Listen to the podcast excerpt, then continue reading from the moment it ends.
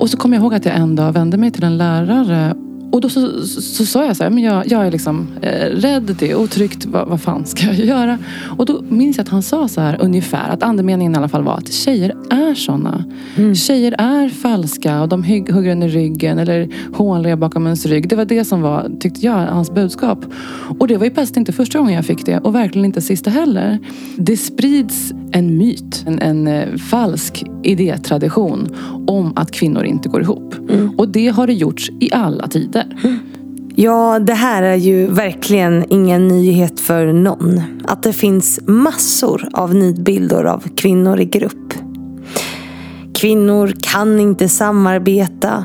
Kvinnor snackar bara skit. Slåss med näbbar och klor. Eller försvaret när man pratar om hur kvinnor behandlas. Då kan man ju ofta få höra Jaha, men hur är ni kvinnor mot varandra då? Systerskapet är en diskuterad fråga som väcker mycket känslor. Somliga upplever systerskapet som starkt medan andra tycker att kvinnor varit deras största motståndare. Det som är viktigt här är dels att inte förminska någons upplevelse. För den ena är inte mer sann än den andra. Men det som är viktigt att ha med sig är varför de här nidbilderna finns. Och hur det ibland kan bli uppfyllda profetior. Men också hur vissa grupper faktiskt tjänar på att de här upprätthålls. Det här pratar jag med Johanna Wester om i veckans avsnitt som jag själv tycker är ett enormt lärorikt om ett ämne som jag själv ibland haft svårt att närma mig. Innan vi drar igång avsnittet vill jag som vanligt tacka min sponsor Excitec som gör det möjligt för mig att fortsätta dela så här viktiga budskap. Och vill du också stötta mig så kan du göra det genom att ge podden det betyg du tycker att den förtjänar om du lyssnar via podcasterappen i en iPhone. Sen blir jag alltid lika glad när ni delar avsnitten i sociala medier. Men nu, kära lyssnare, vrid upp volymen och se till att lurarna sitter bra. För här kommer ett avsnitt med Johanna Wester.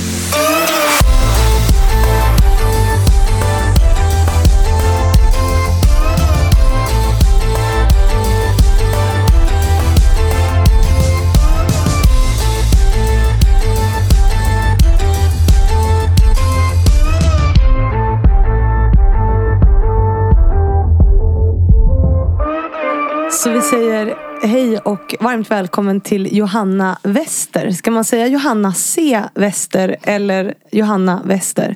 Jag heter bara Johanna Wester. C är egentligen en hyllning till min mamma som heter Kreutzer i efternamn. Okay. en liten hommage. Hon är i livet och allting sånt. Men jag behövde väl... Jag tror att Johanna Wester helt enkelt var upptaget i både liksom mejl och sociala medier och sådär. Ah, Okej, okay. så då blev det bara ett litet C där? Ja, ett litet kärleks-C sådär mitt i. Det var ett litet för vanligt namn med andra ord. Ja, jag tror det. Precis. Ja. Man får gifta sig med någon med något väldigt ovanligt. Ja, precis. Men varmt välkommen hit. Tack. Inkastad i studion, min första inspelning efter sommaren. Så att vi får se hur pass ringrostiga vi är nu. Ja, ja. Båda två. Absolut. Ja. Men det är jättekul att ha dig här. Eh, och jag brukar ju faktiskt inleda med att man får presentera lite själv. Vem man är och vad man gör. Så att vi liksom har grunden för vem, du är. Mm.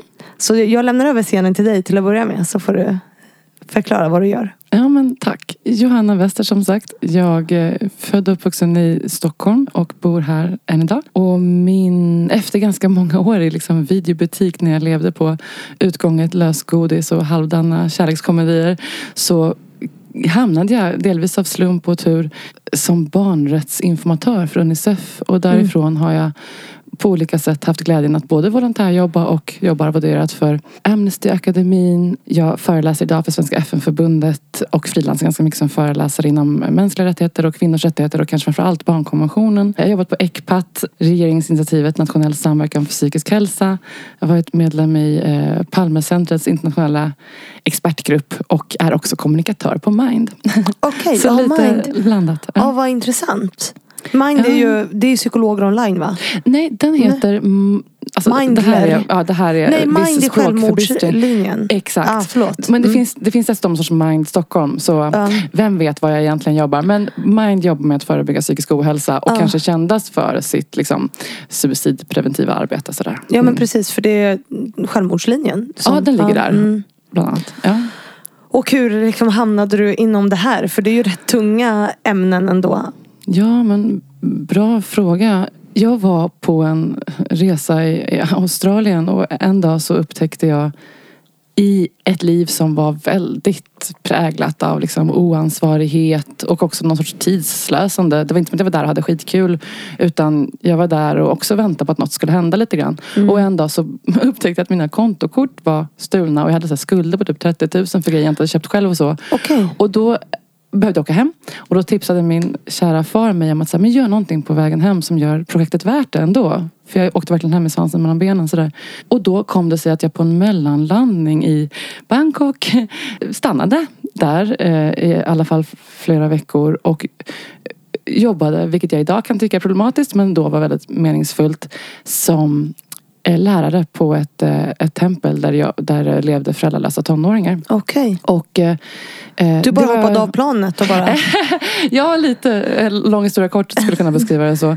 För jag var ju fortfarande väldigt liksom, äventyrslysten. Men vad som hände där i Bangkok, när jag, då levde jag ju där ensam några veckor. Och det var ingen religiös inramning i övrigt så där egentligen. Utan det handlade om att lära dem engelska efter bästa förmåga. Eller lära dem, prata engelska med. Men, och då kände jag verkligen sådär att okej, nu har jag för första gången i mitt liv någon sorts nytta för någon annan. Mm. Och vid det här laget, jag kanske var 22 eller något sånt. Alltså jag hade knappt läst en dagstidning. Jag var väldigt ignorant och okunnig om omvärlden. Inte för att jag är någon särskilt mycket kunnigare idag. Men jag ville verkligen inte åka hem och återvända till den där videobutiken och liksom leva på att ta en bärs på fredagen. Och det var liksom skulle leva piken av mitt liv. Va? Och då så kontaktade jag Jag kontaktade så här Rädda Barnen, Röda Korset, massa olika organisationer och bara här är jag. Hur kan jag komma till nytta? Och så i, den, i den mån de överhuvudtaget svarade, en helt outbildad liten tjej liksom, så sa de väl så här, men du kan dela ut pins och ballonger på, på en viss högtidsdag om du vill. Men Ja. Och då förstod jag att herregud, jag måste ju arbeta mig till möjligheten att vara till minsta nytta. Och med tiden då ideellt arbete via exempelvis Ecpats frivilliggrupp där jag senare också jobbade som kommun- kommunikatör och sådär. Så lärde jag mig ju frågor som rör kommunikation kring rättigheter, alltså kunskapsinsamling och kunskapsspridning. Och hur mycket det går in i allt. Inte minst feminismen och jämställdheten förstås. Så, så det var väl så jag kom, kom in i det. Att jag, jag var hungrig på äventyr men jag hittade någonting bättre. Men som också är ett äventyr. Och alla mina goda vänner idag har jag mött via mitt jobb. Alla de mest spännande resorna jag har gjort har varit via mitt jobb. Jag mötte min älskade genom att jag intervjuade honom om ja, barns rättigheter i Syrien och så vidare. Så jag är så tacksam över den där stulna plånboken. Ja precis, alltså inget ont som inte har något gott med sig blev ju verkligen Ja, någon form så. av verklighet Ja. i det här fallet. ja, visst. Och, och E- Ecpat är ju superhäftigt. De, Ja, för de jobbar det- väl mot sexuell exploatering säger man så, av barn va? Det, Ja, det stämmer. Det är väl främst det de gör, ja. Precis, barnsexhandel som det kallas i folkmun. Ja. Ja, och utvecklat den här AIn va som... Åh, det var säkert efter min tid Ja. i så fall. Men de gör ju mycket spännande. Även de har ju en hotline så att säga. Eller en, verksamhet där man kan tipsa. Mm. Om man snubblar över potentiell dokumentation av övergrepp på minderåriga. Alltså jag kan känna och tänka i efterhand för att vara ärlig att vad, sjutton gjorde jag där? Det måste ha funnits så många andra bättre än jag att göra det jobbet. Gav jag allt jag hade? Kanske inte jag var lite för ung men jag hoppas och tror att jag gjorde någon nytta och eh, jag lärde mig också väldigt mycket om ja, men så här, påverkansarbete, opinionsbildning och hur kan man försöka kondensera jäkligt komplexa och såriga budskap. Alltså hur pratar man om? Det, det finns nästan ingenting mer eh, kämpigt och laddat och sånt som folk liksom gärna kanske i slutändan vill slå dövörat till som utnyttjande av barn i det här fallet. Och alla organisationer jag jobbat på har ju jobbat med någon typ av så ganska ja, svår fråga känns det som. Och det har varit så lärorikt och intressant att hur kan man ta ner det här? Hur kan man göra det pratbart? Det tror jag att jag fick lärdomar i på bland annat Ecpat. Häftigt. Eller ja, Ja. det, är- alltså, det är ett superhemskt ämne men så otroligt viktigt. Ja visst. Och jag Mm. menar, man sitter ju inte där och, och, och är liksom allvarlig och nära tårarna hela dagarna. Utan det var god stämning på arbetsplatsen. Och det tycker jag ofta är tydligt att när människor förenar sig för att skapa förändring, Mm. hur allvarliga liksom, grundfrågorna än är, så kan det ofta, man kan ha jättekul. Alltså det kan vara massa, det kan vara grova skämt och det kan vara liksom lättsinnigt och ibland. Och ibland måste det ju vara allvar och, och förbannat eller, eller sobert liksom. Ja. Det gäller att hitta en sån mix. Ja, verkligen.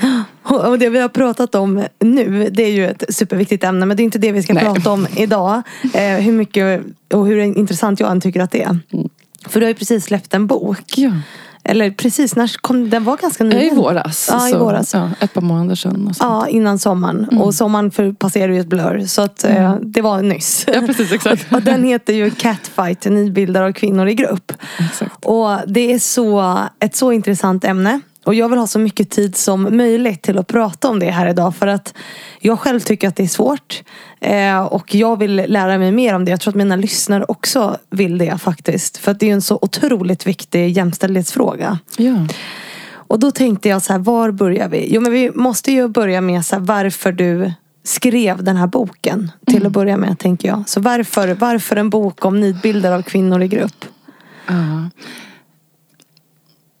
Ja, men för min egen del så började det med en lycklig uppväxt med flickgemenskaper där jag stod nära andra tjejer och vi busade och bråkade och eh, lekte och upptäckte den sublima världen tillsammans på en stor gård där jag växte upp. Och sen började jag högstadiet och där var det väldigt frän stämning mellan unga tjejer. Vi pratar både liksom subtila maktspel och att man fick en hård axel mot sin egen i korridoren. Könsord blir spottade efter och så. Och det var väldigt slumpmässigt vem som drabbades hur. Men jag upplevde, eller jag var väl en av dem som hade det svårt bland annat då. Väldigt så elaka anonyma busringningar till, till mina föräldrar. Och, ja, det var svårt och det, det gjorde ju att jag inte koncentrerade mig så mycket på skolan. Vilket typ än idag tycker jag leder till så här enorma kunskapsglapp i min allmänbildning. Men det är ett stickspår. och så kommer jag ihåg att jag en dag vände mig till en lärare vilket ju är lite förbjudet så här, att skvallra liksom. En golare har inga polare. Men eh, jag hade polare, jag hade tre underbara vänner. Men det var som att jag glömde det i efterhand. Hur som helst. Och då så, så, så sa jag så här, men jag, jag är liksom eh, rädd, det är otryggt, vad, vad fan ska jag göra? Och då minns jag att han sa så här ungefär, att andemeningen i alla fall var att tjejer är såna. Tjejer är falska och de hugger en i ryggen eller hånliga bakom ens rygg. Det var det som var, tyckte jag, hans budskap. Och det var ju plötsligt inte första gången jag fick det och verkligen inte sista heller. Och jag, jag hade haft liksom en hyfsat feministisk uppväxt och uppfostran men trots det så var min motståndskraft liksom nere av att jag var så rädd för andra tjejer hela tiden. Så den rädslan kan man väl säga fungerar som ett klister för de här nidbilderna som jag nu vill se dem som, av kvinnor i en grupp. Som jag gärna ska ge exempel på. Men, så det gick många år då jag inte hade tjejkompisar, jag, vare sig socialt eller professionellt närmade jag mig andra kvinnor. Nej. Och jag kommer ju aldrig hämta hem det. Jag gick ju miste om så mycket. Har jag ju förstått i efterhand. Och sen när jag till syvende och sist fick eh, tvingas då liksom arbeta med andra kvinnor. Då blev det ju väldigt snart tydligt att det kan vara underbart att ha med andra kvinnor att göra. Men det kan också vara helt neutralt. Det måste inte finnas någonting inneboende alls i företeelsen kvinnor eller kvinnor i grupp. Nej. Så det var det jag ville. Alltså dels är ju boken något av en bikt eh, nästan. Eller en uppgörelse med mig själv. Att försöka bli klok på vad fasiken hände liksom. Men vad jag gör är att jag pratar med olika experter och sakkunniga. Så här, för jag har förstått att liknande saker kan också hända andra tjejer. Samhället är ju fullt av kvinnoförakt. Både jättediskret och extremt brutalt uppenbart. Och det påverkar ju kvinnors relationer. Självklart gör det det. Och framför allt påverkar det hur man pratar om kvinnors samspel och relationer. Så det ville jag utforska och också liksom slå ett slag för. Vad var det som liksom fick dig att komma till den insikten? Förstår du? Du gick från att liksom inte hata kvinnor men på något sätt ändå inte gilla att vara med andra kvinnor. Till att liksom, men gud jag måste ju utforska det här. Kommer du ihåg vad det var som fick dig att liksom vända? Ja, alltså det snabba svaret är att det hade absolut med just andra kvinnor att göra. Specifika kvinnliga individer som gjorde inbrott i mitt liv. Och inte, inte accepterade ett nej nästan. På, vilket för en gång skulle vara en väldigt bra sak. Exempelvis att jag mm, någon midsommar 2008, det är ju länge sedan nu men mötte någon sån där extremt färgstark, fängslande tjej. Och min absoluta respons är ju skydda mig, tryck ner henne diskret, visa henne att hon ska veta sin plats. Och det, det köpte ju inte hon liksom. Hon Nej. var bara Hon var trevlig och härlig och typ kramig. Ja. och bröt ner mitt motstånd. och, så, och den typen av möten har liksom fortsatt tycker jag. Både i privatlivet och och professionellt. Alltså jag, jag kan tycka så här, gud vad andra kvinnor har haft tålamod med mig. Ja. Kan jag känna. Och nu har jag ju strålande medsystrar i, i tillvaron. Så det är andra kvinnor. Men Mm. självklart har det också att göra med ett feministiskt uppvaknande. Mm. Att förstå att så här, ett, det finns ett, ett kvinnoförakt i samhället som kultiveras och sprids på massa, massa olika sätt Mm. överallt. Och det finns också internaliserat kvinnoförakt. Det vill säga att man blir sin egen förövare lite grann. Och börjar köpa de här bilderna av att kvinnor är enfaldiga eller tråkiga eller eh, lismande eller illvilliga eller vad det nu är. Och jag menar, det värsta är att det påverkar ju dessutom ens självbild. Om kvinnor är så jävla usla. Då, kan ju inte, då finns ju en gräns för hur bra jag kan vara också. Liksom. Ja, oj, ja, vi ska ju, det hör ju, eh, ni har ju kära lyssnare, det här kommer bli ett, ett eh, avsnitt. Jag är så nyfiken på det här och har varit lite rädd för att ge mig in i de här. Och det är också något som vi måste prata om som vi sa innan vi satte igång mickarna här. Inte rädd för att ge mig in i det men jag vill göra det med liksom någon som dig då som kan det vad här. fint, vi håller varandra i handen. Ja men, jo, men för vi får nog hålla varandra i handen här. Eller du får hålla mig i handen. För att jag vill ju lyfta det här ämnet. Men jag vill göra det på ett, ett liksom kunskapsbaserat sätt. Förstår du? Jag menar för det finns så Ja. mycket åsikter om det här. Och mycket upplevelser. Alltså många kvinnor har ju din upplevelse. Som du har från början. Att kvinnor är så hemska mot varandra. Och det håller vi också vid liv. Genom att säga det hela tiden. Medan andra tycker att systerskapet är superstarkt. Och Visst. det är patriarkatet som har skapat det här. Mm. Att det sägs att kvinnor inte kan samarbeta. Men på någon nivå så är det också många kvinnor som upplever att vi inte kan det. Förstår, förstår du min långa utläggning här Oh, nu? ja, absolut. För att jag tycker att det är svårt att ge sig in i det här utan att förminska någons upplevelse. Verkligen. Och det här var en stor utmaning när jag skrev Catfight. Jag tror att jag till en början var så pass aningslös att jag tänkte att jag ska besvara frågan bråkar kvinnor? Och svaret är nej. Och det är verkligen inte så enkelt alltså. Nej. Precis som du är inne på, frågan är laddad, den är delvis liksom kontroversiell, den förenklas från olika håll. Men min uppfattning är att det går inte att svara ja eller nej snabbt på finns det ett problem eller inte. Därför att det kan det göra, absolut. Det är jag själv eh, ett kvitto på, så att säga. Men jag, jag kan förklara vad jag har landat i, så att Ja, säga. ja men du får, du får göra det för jag tänker, ja, Ja, så får vi ta oss ehm, någonstans. Ja, men det, det, det snabba svaret är att det sprids en myt, en mytbildning, en, en eh, falsk idétradition om att kvinnor inte går ihop. Och det har det gjorts i alla tider.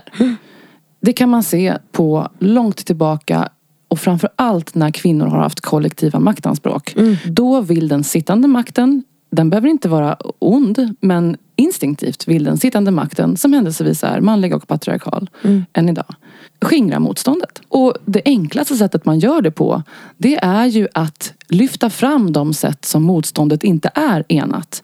Och lyckas inte det, ja då får man ljuga om att motståndet inte har goda idéer eller god arbetsgemenskap eller kan få någonting gjort tillsammans. De är i- idioter liksom. Ja. Så vi har dels den aspekten. Och, och där måste jag flika in, nu Ja. kommer jag avbryta det. För Ja, jag ja, måste flika in, ja. jag har ju läst din bok och jag Ja, ett väldigt bra exempel på det där som du, för du tar ju upp exempel liksom från Bibeln, eller hur? Alltså det är väldigt långt tillbaka hur det beskriver och kvinnor. från i grupp. antiken och filosofin. Och det finns ju hela tiden. alltså. Ja, så skriver du om, så någon, jag, jag låg på stranden och läste det här för mina kompisar om häxjakten. Ja. Alltså eh, att vi brände kvinnor på bål, eller hur? Mm. Och att vi anklagade kvinnor för att vara häxor. Mm. Och framförallt kvinnor som samarbetade i grupp. Ja, så fort de gjorde inte någonting det ett bra annat. exempel? Jo visst. Och var de, var de i hus och hem och tog hand om barn, ja det var okej. liksom. Mm. Just den arbetsgemenskapen, låt gå. Liksom. Så slipper vi typ ta hand om det. Men så fort det handlar om att faktiskt utbyta kunskap, livserfarenheter, eh, ja, då blir det farligt. Liksom. Då får man tända elden. Mm. Ja, men precis. Och samma sak kan man ju se runt 1880 och framåt. eh, Alltså suffragetternas arbete med att eh, slåss för sina och andra kvinnors rättigheter. Och omedelbart kunde man ju se liksom affischer på stan som framställer kvinnorättskämpar som inte bara farliga men eh, patetiska. Liksom. Och så här fortsätter det. Framförallt när kvinnor försöker slåss för sina rättigheter tillsammans. Eller för andra kvinnors räkning. Och det, det, finns ju en risk när man pratar om det här tycker jag. Att man låter paranoid helt enkelt. Ja. Jag tror tyvärr inte att jag är det. Nej. Utan jag, tycker, det, och jag försöker visa också i Catfight att det är ganska lätt att med forskning se hur det här har hänt. Och hur det händer även andra marginaliserade grupper. Kvinnor är ju en grupp som ofta förnekas makt. Men det finns ju andra grupper som inte heller får makt. Och där ser man samma mekanismer. Att de splittras och inte framställs som att de gillar varandra eller har med varandra att göra på något naturligt sätt. Men så vi har dels att det faktiskt finns en typ av svartmålning. Som är en liksom, lögn och förbannad dikt. Det är bara bullshit tycker jag i grund och botten. Och det är för att man vill behålla makt då som man? Eller är det det som... Ja, precis. Och det kanske inte är så pass flagrant eller vad man ska Nej. säga. Det är inte att någon eh, kar sitter på toppen av tron, som på tronen och liksom Gud, jag måste snabbt få kvinnor att verka som att de inte gillar varandra. Det är mer subtila krafter än så. Men sen har vi dessutom liksom vanans makt som är att vi upprepar de här idéerna väldigt mycket. För vi har ju sett dem, vi har hört dem, vi kanske har fått till oss dem i vår uppfostran och så vidare. Och då kan det ju bli en självuppfyllande profetia i den mening att om man tror oavsett ålder på en, att andra tjejer och kvinnor vill en illa. Ja, då, då är det ju smart att förekomma det hotet och själv först vara svekfull. Eller själv först hugga i ryggen eller inte dela viktig information och så vidare. Så då kan ju sanning uppstå av det här. Sen har vi dessutom, inte bara en utan två hopplösa stereotyper vad gäller kvinnor. Och den ena är att kvinnan är så behaglig och mild och omsorgsgivande i varje läge. Och då sticker ju kvinnors språk ut mer, ifall det är idealet. Då kan inte du och jag sitta här utan att bara klappa varandra medhårs. Nej. Och vara jättemysiga med varandra. Fast det kanske är jättemeningsfullt och värdefullt att ja, har diskussion och debatt. Men sen så finns det också en annan stereotyp som är det här liksom klösiga, femme fatalen, häxan. Och hon är ju liksom sexig och det, det är ju ännu mer feminint. Eller en annan sorts så här, extrem femininitet på något sätt. Och hon står ju också, det idealet står ju också för sina uppenbara problem. Inte minst för liksom tonårstjejer. Som får lära sig att nu ska ni bli kvinnor. Och man är kvinna på det här sättet. Man gör kvinnlighet liksom. Så vi har en makt som motarbetar kvinnor i grupp. Det finns stereotyper som gör det extra svårt. Och sen finns det också ett annat problem som faktiskt gör att det uppstår mer konflikter ibland mellan kvinnor. Och det är enkel resursbrist. Det är väldigt få kvinnodominerade miljöer som inte på något sätt lider brist på tillgångar. Och då kommer ju konflikterna med på posten på något sätt. Det blir ju så. så. Det finns faktiskt forskning som pekar på att det kanske är eh, något mer mobbning på kvinnodominerade arbetsplatser. Att arbetsgivare kan ertappas med att eh, diskriminera typ snygga eh, arbetssökande kandidater och så vidare. Och då skulle man kunna felaktigt tro så här, "Aha, men då har vi det här problemet. Då är kvinnor bitchar och vill inte varandra väl. Ja, fast de har inte heller fått förutsättningarna att eh, samspela på ett rimligt sätt. Eh, systemet är ju riggat för att man ska behöva akta sig för andra kvinnor. Och där vill jag mena att det är en jävla skillnad på förutsättningarna som finns och förmågan som finns. Jag tror förmågan är det noll problem med. Och kan du ge något bra exempel på en sån miljö? Ja, men ta då exempelvis en högstadiemiljö. Och jag föreläser mycket om barns rättigheter i, i gymnasie och högstadieskolor. Så jag, det stannar liksom kvar tjejer ibland efter lektionen och pratar om ja, jag får eh, blickar från andra tjejer. Jag förstår att jag har gjort någonting fel men jag får inte veta vad det är. Och om de då har den typen av vuxna omkring sig som menar att ja, det här är vad man får när man försöker umgås med kvinnor. Då, då, kan vi inte, då reser vi oss aldrig över det här. Nej. Och just också när man pratar om det som någonting typiskt kvinnligt. Det är ju typiskt mänskligt om något i så fall. Alla människor kan ju ha meningsskiljaktigheter eller bete sig jättepissigt mot varandra. Men det kommer inte med kvinnokönet. Liksom. Nej. Däremot kommer det med kvinnans förutsättningar och resurser och tillgångar och så vidare i ett patriarkalt samhälle. Absolut. Ja, för vad, vad, hur hänger det här? För det vet jag att du skriver lite om också. Så här, det här med biologiska skillnader. Alltså hur hänger det ihop? Alltså att det inte kommer med könet. Ja, nej men jag tror ju inte alls att det finns någon alls Nej. biologisk faktor bakom det här. Alltså vilket skämt. Ja. Snälla. Och det, men det tror ju folk. Men, och det kan man problematisera och nyansera på olika sätt och jag skriver om det i boken. Men det kan ju bli förvirrande, absolut. Ifall andra tjejer har varit taskiga mot en, om man själv är tjej. Och det finns ett tydligt mönster. Att det är rakare rör med killarna.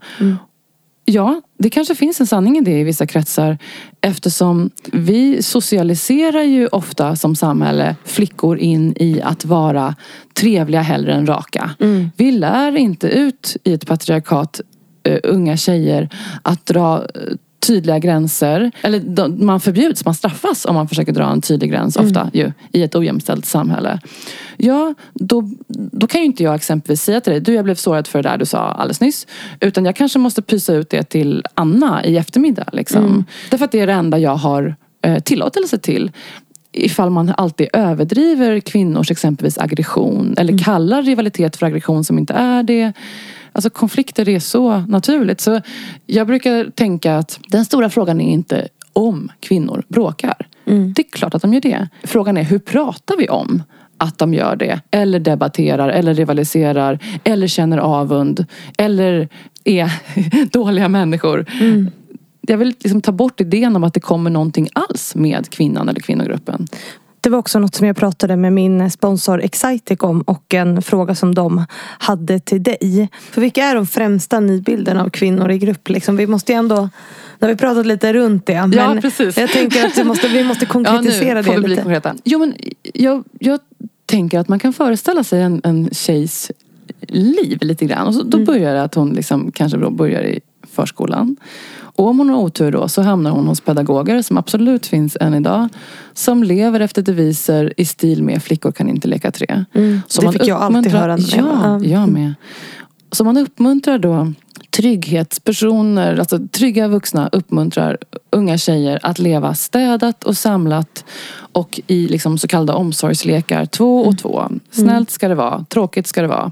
Och så kan man liksom bokstavligen höra hur killarna kanske i rummet intill får stoja och nu generaliserar jag väldigt mycket men det kan behövas för att förklara ett resonemang ju. Och då upplever jag att det kan bli så att killarna får träna sig i två saker som är motsatta men båda lika viktiga. Och det ena är gemenskap, alltså laganda. Det är ju ändå mycket av det här det handlar om. Men också tävlingsglädjen. Att det är roligt att tävla. Vem springer snabbast liksom? Att det blir busigt och, och så. För att fortfarande uppe i vuxen ålder kan jag tycka att ofta le, kanske män oftare ses och gör saker. Eh, medan i alla fall i mina sammanhang så sitter man ofta ner och pratar som kvinnor. Och det kan vara enormt intressanta samtal. Men var är det snöbollskriget liksom? Jag vill ta tillbaka snöbollskriget i, i kvinnors relationer på något sätt. Eller i mina i alla fall. Jag kan bara prata för mig själv. Men okej, så det börjar liksom kanske i förskolan. Sen kan vi se i barnkulturen, inte minst importerad barnkultur. Klassiska tv-serier och så vidare. Barbie, My Little Pony och Bratz och alla de här. Att i den mån, alltså flickorna samspelar ju men de hugger också ofta varandra i ryggen på obefogade sätt medan pojkarna får vara de förnuftiga. Och i de flesta klassiska barnprogram så i sanningens namn, det här finns liksom forskning på, så samspelar ju inte flickorna. Det är pojkar som gör de spännande sakerna och sen så kanske det är en tjej med och hon möter inte ens andra tjejer. Om hon gör det så blir det typ spänt och killarna får ha roligt. Och det är jätteproblematiskt. Det finns studier som, som visar att i tecknad barnkultur så är det typ 15 procent av alla karaktärer som är talande tjejer. Oj, Och ja. men, tacka fan då för att vi får flickor och, som växer upp och blir tjejer som tror att andra tjejer inte är roliga. Liksom. Ja, att det inte händer någonting där. Det är ju hos killarna det händer saker. Mm. Och sen fortsätter det här på olika sätt. Vi kan se exempelvis hur språket innehåller många fler liksom nedsättande ord om kvinnor och kvinnor i gruppen om män. I historieböckerna är det ju ungefär, i alla fall i många historieböcker är det bara 80 85 procent är män. Fast kvinnor har gjort massa spännande åstadkommanden och även tillsammans. Kvinnor i grupp. Alltså under franska revolutionen exempelvis, de gjorde massa viktiga saker, kvinnor i grupp. Det sägs inte i skolan. Nej. Vad, vad, vad är det frågan om? Liksom? Och regeringen har gjort en utredning som kritiserade det här och för några år sedan. Och verkligen la ut texten och bara, det här är liksom absurt, sa de i princip. Hur ska kvinnor kunna, eller hur ska någon kunna ha kvinnliga förebilder om vi inte pratar om vad kvinnor har gjort tillsammans? Mot oddsen, för de har ju också levt i ett patriarkat. Hur som helst. Och sen så i nyhetsrapportering kan man se att skandaler som involverar kvinnor har längre livslängd i medierna än de som rör män. Så man liksom sensationaliserar den kvinnliga konflikten även i seriös nyhetsrapportering. Alltså vi snackar public service också delvis. Mm. Kan du ge något exempel på det? Alltså... Ja men låt oss ta exempelvis när Feministiskt initiativ eh, lanserades. Då var det konflikter delvis och det var några som lämnade partiet ganska tidigt. Mm. Och det fick jättemycket utrymme i medierna och man pratade om men gud vad konstigt med ett kvinnodominerat parti. Och ungefär under samma period så skulle partiet Junilistan, som var enormt mansdominerat, mm. som partier ofta är, inte en rad i liksom, nyhetsmedia om det. Mm. Och om, någon, om det hände något knasigt där, ja det fick väl en notis men det var inte en nyhet nästan. Mm. Och som följd av det här kunde man se hur det blev populärare att tycka om Junilistan än Feministiskt initiativ. Liksom. Mm. Och jag tänker också på exempelvis när Ebba Busch Thor var med i Skavlan och skulle prata om hade man kunnat tro någonting så intressant som att Kristdemokraterna delvis hade öppnat dörren för Sverigedemokraterna. Och då fick hon nästan bara frågor om så här, men hur, hur blir det här för dig och Annie Lööf? Ungefär som att det vore en katastrof mellan två tjejkompisar. Och gud vad jobbigt. Uh. Men hon, man får väl anta och hoppas att en någon som leder ett riksdagsparti bekymrar sig för lite viktigare saker än så. Mm. Och sen så i reklamen, alltså det finns så många reklamer exempelvis där man ser det kanske är en så här jätteläcker kvinna då som ska sälja mm. något läppstift eller någon hårfärg eller vad det är. Men i bakgrunden så finns det en till kvinna och hon tittar liksom hälften längtansfullt, hälften hatiskt, det vill mm. säga med så här avund på kvinna nummer ett. Mm. Det finns ju inte sån reklam för produkter för män. Nej. Varför, liksom, varför måste det vara så? Och för att inte tala om dokusåpor, där används ju catfighten som grepp jättemycket. Och om vi tittar på vilken veckotidningslöpsedel som helst så är det ju en förmodad konflikt eller en, mm. en överdriven hatisk relation mellan två kändiskvinnor. Och, och så här fortsätter det i det lilla mm. på olika sätt. Hela tiden. Det är så liksom, vi skapar ju bilden av kvinnor på det sättet. Ja, att ja. kvinnor inte kan, eller förstår jag dig rätt då? Att kvinnor inte kan samarbeta vi är inkompetenta? Eller liksom, är det det som är nidbilden av kvinnor? Eller hur? Ja, snabbt sammanfattat skulle jag säga det så. Kvinnor vare sig vill samarbeta och ha med varandra att göra. Men de kan inte heller. Hade de velat hade de misslyckats. Ja. en dubbelfälla, en dubbellögn. Ja, för oss så skapar vi internaliserat kvinna. Alltså, det har ju så mycket effekter det här tänker ja, jag. Visst. För det du beskriver nu det är ju hur yttre faktorer påverkar, eller hur? Ja, precis. Exakt. Bilderna av kvinnor i samhället, av kvinnor i grupp. Liksom. Ja. Att vi jämför oss med varandra. Och så skapar vi alla de här nidbilderna. Ja, det är både och. Jag tror så här, ibland påstås det när det inte finns. Mm. Och det är ett problem. Men ibland så trissas det fram eller liksom triggas fram. Mm. Och, och, en grupp tjejer eller två tjejer tvingas helt enkelt se varandra som rivaler när det inte hade behövt vara så. I ett jämställt samhälle hade man inte behövt slåss om den enda platsen som kvinna vid styrelsebordet. Man hade inte behövt slåss om männens gunst i, under styrelsemötet därför att man hade respekterats trots att man var kvinna. Mm. Det här hänger ju ihop sjukt mycket med makt. Ja, det handlar bara om makt skulle jag säga. Alltså ja. i grund och botten. Ja. Därför att vi förhåller oss till den som har makt. Exakt. Och den som har makt tjänar på att skapa de här bilderna, eller hur? Tänker du? Ja, och visst, visst tjänar makten på att skapa de här bilderna. Men framförallt tar den inte ansvar för att ta bort bilderna. Förmod och delvis för att de som är sittande med makt, och det är ju inte bara män i största allmänhet, det är ju en viss grupp män. Jag menar inte att misstänkliggöra liksom det manliga könet i stort så. Men de jag kan förstå att de inte ser det här problemet. Mm. Yeah. Och om de gör det så tänker väl de att det där får väl tjejerna styra upp. Liksom. Mm. Och det här är ju samma liksom, mekanismer som man kan se när det kommer till rasism och antirasistiskt arbete. Att de som skulle behöva göra någonting gör inte det och tar inte på allvar de som pekar ut ett förtryck eller en marginalisering och så. Och jag då som är vit, jag, jag märker ju hur jag själv jag vill verkligen tro att jag absolut inte är rasist. Men jag kan också se hur jag gör mig skyldig till, vad ska man säga, rasistiska resonemang eller snarare rasistiska negligeranden. Jag mm. tänker inte på att det bara är vita personer i filmen. Nej. Jag tänker inte på att det bara är vita personer inbjuden till mötet.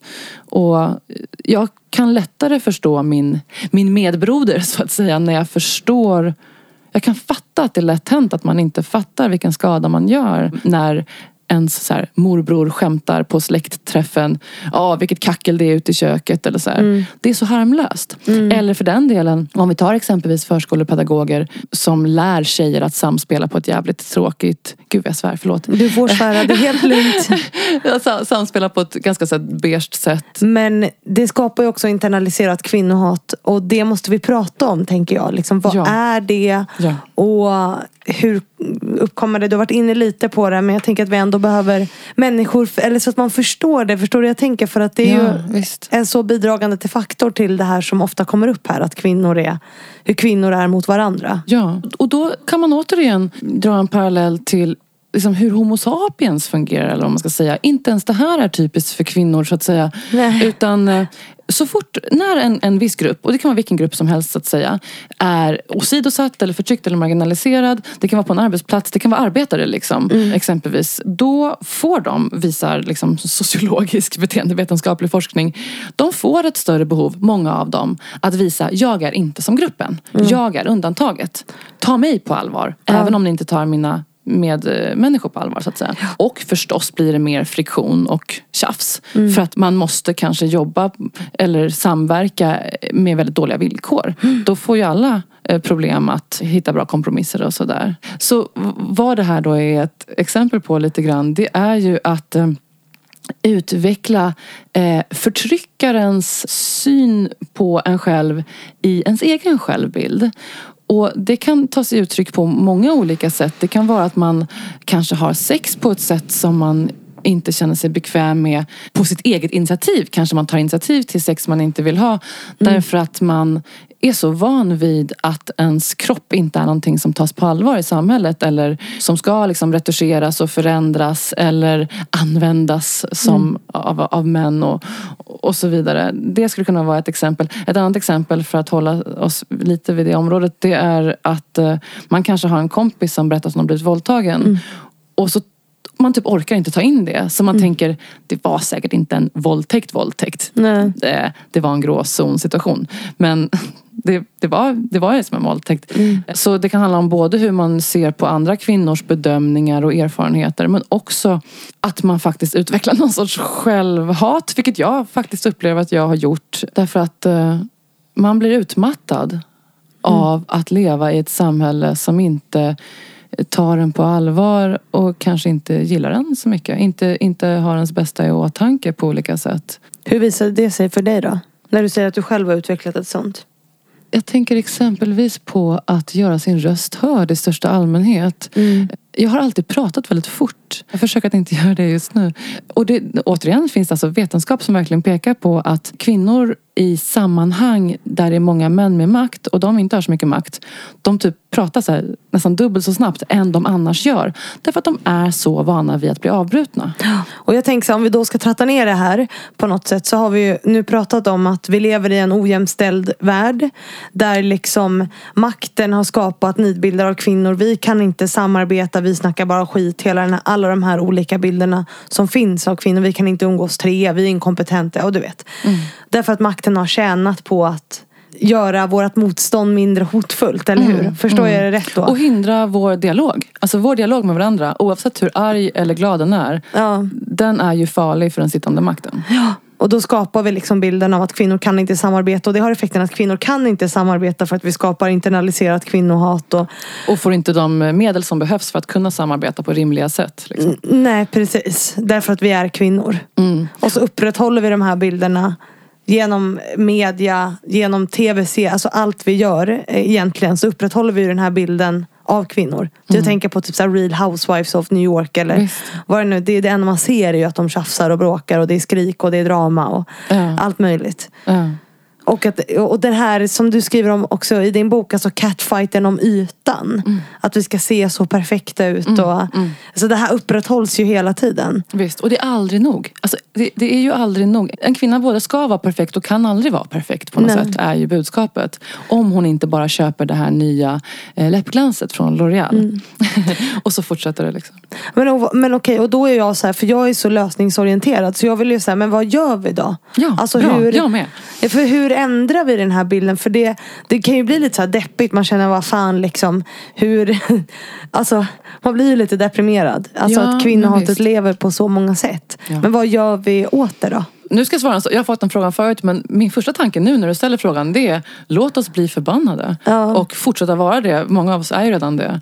Men det finns ju en jättefin dikt som, där raden är ehm, elda under din vrede. Jag tycker man kan vara arg, man kan vara förbannad på ett glatt sätt. Ja. Jag ser mig själv som en nervös optimist eller vad man ska säga. Men jag tror att jag, jag skulle kunna lägga mer liksom, bränsle på att faktiskt bara vara less. Vägra mer liksom. Men vad jag annars brukar liksom tänka det är att, att överhuvudtaget diskutera det här. Och, och man kan tycka olika. Man måste inte tycka som jag gör i boken. Det är en liten del av min poäng. Låt oss tycka olika. Ja. Och göra en poäng av att det är mänskligt med meningsskiljaktigheter. Det är inte typiskt kvinnligt att eh, rivalisera eller, eller bråka. Det, utan vi debatterar kanske. Låt oss kalla våra debatter debatter. Och vi får vara lika avundsjuka på varandra och andra som, som män skulle få exempelvis. Så dels det, men också vara redo att motargumentera och ifrågasätta. För det finns ju massa exempel på när kvinnor har stått för stordåd tillsammans. Man kan vara redo med dem liksom, i bakfickan lite grann inför att någon, för det går ju ofta väldigt fort när de här kommentarerna om kvinnor i grupp kommer. Och lite så här skämtsamt när man går ut från mötet. Och, Jävlar det var mycket kvinnor där inne, det märkte man. Liksom. Att man då är redo att liksom, säga, vad menar du? Bara det kan ju hjälpa. Men om den då säger så här, nej men du vet ju hur kvinnor i grupp är. Det blir ju liksom ingenting gjort eller det blir ju bara tjafs. Ja, då vill jag berätta för dig att 1883, alltså, Ja, man men kan ju- precis. alltså, Ha det i mobilen i så här precis. anteckningar. 1883 det så slår mig att ja, om man tar en, en, ett exempel som är så här, över 100 år gammalt då kanske det låter som att man inte har en så bra argumentation. Ja, men precis. att man kan liksom på något sätt ändå måla bilden ganska snabbt. Man kan väl ta metoo som ett exempel. Ja men verkligen. Det är ett- ett alltså praktexempel herregud vilken samordningsförmåga som Ja. skedde på massa olika sätt där. Men också, jag tänker också att så här, man kan använda språket och sitt eget tal Mm. för att föregå med gott exempel. Ofta är ju inte svaret att försöka läxa upp andra människor utan försöka att efter bästa förmåga liksom leva som man lär. Vilket jag själv säkert inte alls är bra nog på. Men att försöka att själv inte liksom gå in i de här skämten men också att alltid beskriva kvinnors interagerande med neutralitet. Alltså samma neutralitet man hade gett om två män är rivaler. Och man ser det som sund rivalitet. Ja, men låt oss prata om kvinnors rivaliserande som vanlig rivalitet. Ja. Ja, sånt förekommer. Det är väl inte så konstigt. Det har väl en, en förklaring. Och förstås att vi liksom om man vill så kan man ju faktiskt ge erkännande till fungerande kvinnogemenskaper eller produkter och prestationer framtagna av kvinnor eh, eller liksom goda arbetsresultat. För de får ju sällan samma cred som mäns får. Eller heller könsmixade gruppers.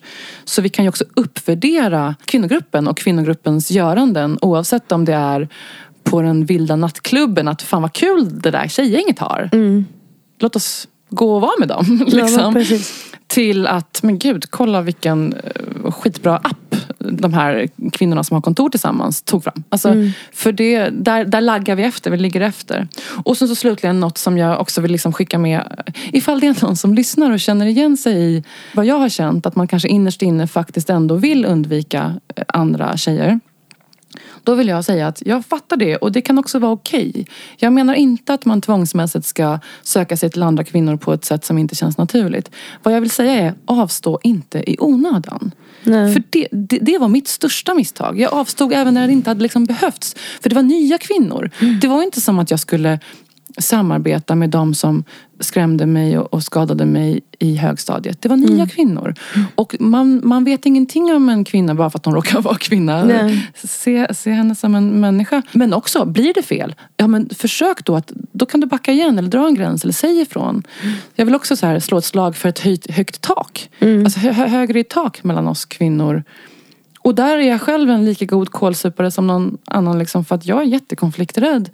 Jag tränar mig liksom varje dag på att försöka att vara lite tydligare med vad jag vill eller behöver eller vad jag, hur jag tolkar något. Och så. Ja, något Ja, och det där är ju superintressant och det är som du säger, vi får ju inte samma utrymme att sätta gränser.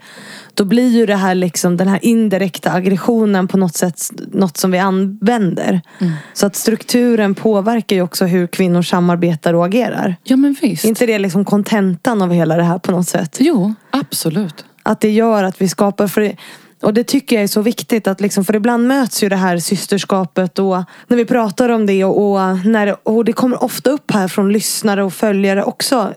Till mig. Att så ja, men de som har varit värst mot mig är kvinnor. Ja, visst. Och, och det är ju på något sätt sant. Ja, Alltså, det, då, då är det ju så. Alltså, Då- Absolut. Och det, svaret är ju verkligen inte att förringa det. Absolut inte. nej, utan att man måste så uppmärksamma att ja, men det kan vara så. Men att man måste förstå varför på något sätt. Ja, och jag menar inte heller att man då ska liksom förlåta dem på ett bräde. Utan Nej. det är ju inte alls okej om man har... Jag, jag har ju fått jättemånga mejl när jag gjorde det här arbetet. Jag Ja. ställde frågor i gas, ganska många så separatistiska Facebookgrupper och så. Jag har fått kanske över hundra meddelanden av olika kvinnor. Och jättemånga berättar ju om det du, det du säger. Ja.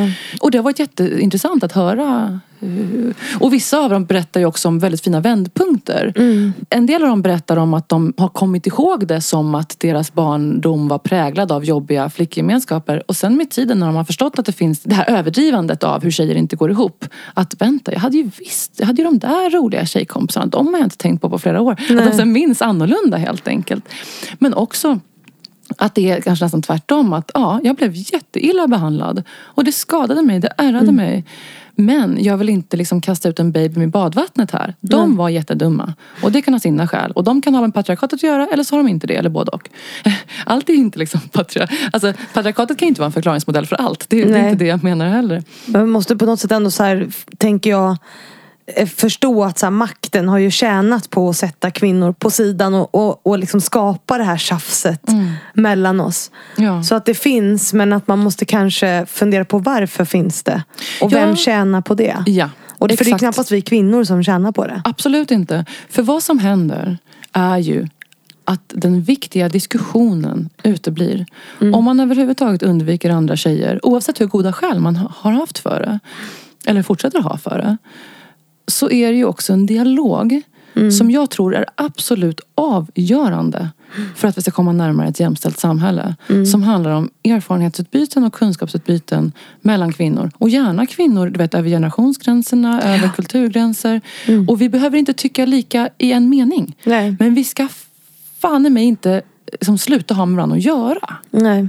Det är jättefarligt. Och sen stötta varandra för att vi är kvinnor. Eller så här, på det sa ju Gudrun Schyman när hon var med här. Så sa hon det att det finns någon så romantiserad bild av systerskapet. Och att kvinnor alltid ska hålla med varandra. verkligen. och så är det ju inte som du säger. Nej vi kommer inte alltid hålla med varandra. Och vi kommer ha våra debatter. Men vi kan fortfarande stötta varandra. För att vi är kvinnor. Ja, jag gillar tanken på att man kan tycka jätteilla om en annan tjej eller avundas henne eller tycka att hon inte har liksom förtjänat det hon har fått eller bli olycklig för att hon har blivit ihop med den man älskar eller vad som helst. Men det innebär inte att man behöver sluta hålla henne som en jämlike. Som en, en annan människa. Liksom. Nej. Och jag tycker att med de orden så ska vi börja avrunda här idag. Är det något du känner nu att vi har missat som du vill lyfta? Jag tycker vi har varit, gått igenom halva din bok eller nästan hela. Ja, men en sak som jag tänker på som är förstås värd även för mig att komma ihåg det är att jag tror att de flesta kvinnor har inte det här problemet. Nej. Vad vi pratar om nu är ju en viss sorts pro- problematik. Liksom. Men det finns så många härliga gemenskaper som råkar bestå av massa kvinnor eller ett fåtal kvinnor. Och jag är glad att det finns många som inte känner igen sig i det jag beskriver.